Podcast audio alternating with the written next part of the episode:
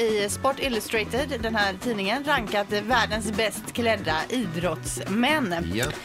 På femte plats hittar vi svensken Henke Lundqvist. Ja. Jag sa ju det. Eh, före då bland andra David Beckham, Va? Chris- Cristiano Ronaldo och Roger Federer. Och vi ska säga det också, jag har ju läst eller så har han berättat det själv eh, Henke. Det är att han går ju inte i de allra dyraste butikerna enbart utan han kollar ju väldigt mycket. Han går ju bara efter eh, vad han själv tycker är snyggt. Second hand.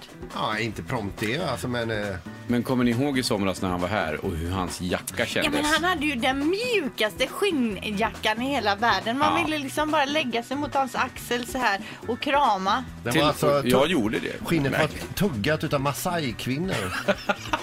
Ja, det var, helt, det var den sjukaste skinnjackan.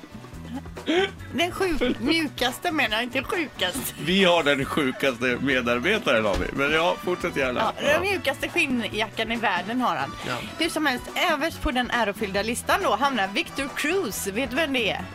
Alltså han är någon fotbollsidol i New York Gi- Giants. Nej, Alltså, Nej, jag, känner jag, inte till. MSL, jag har dålig koll på Svårt eh, att tro att han har MSL. mjukare skinnjacka också. Är det Henke ja? Ja, det har han inte. Det var den mjuk.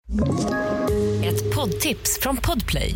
I fallen jag aldrig glömmer djupdyker Hasse Aro i arbetet bakom några av Sveriges mest uppseendeväckande brottsutredningar. Går vi in med hemlig telefonavlyssning och, och då upplever vi att vi får en total förändring av hans beteende. Vad är det som händer nu? Vem är det som läcker? Och så säger han att jag är kriminell, jag har varit kriminell i hela mitt liv men att mörda ett barn, där går min gräns. Nya säsongen av Fallen jag aldrig glömmer på Podplay.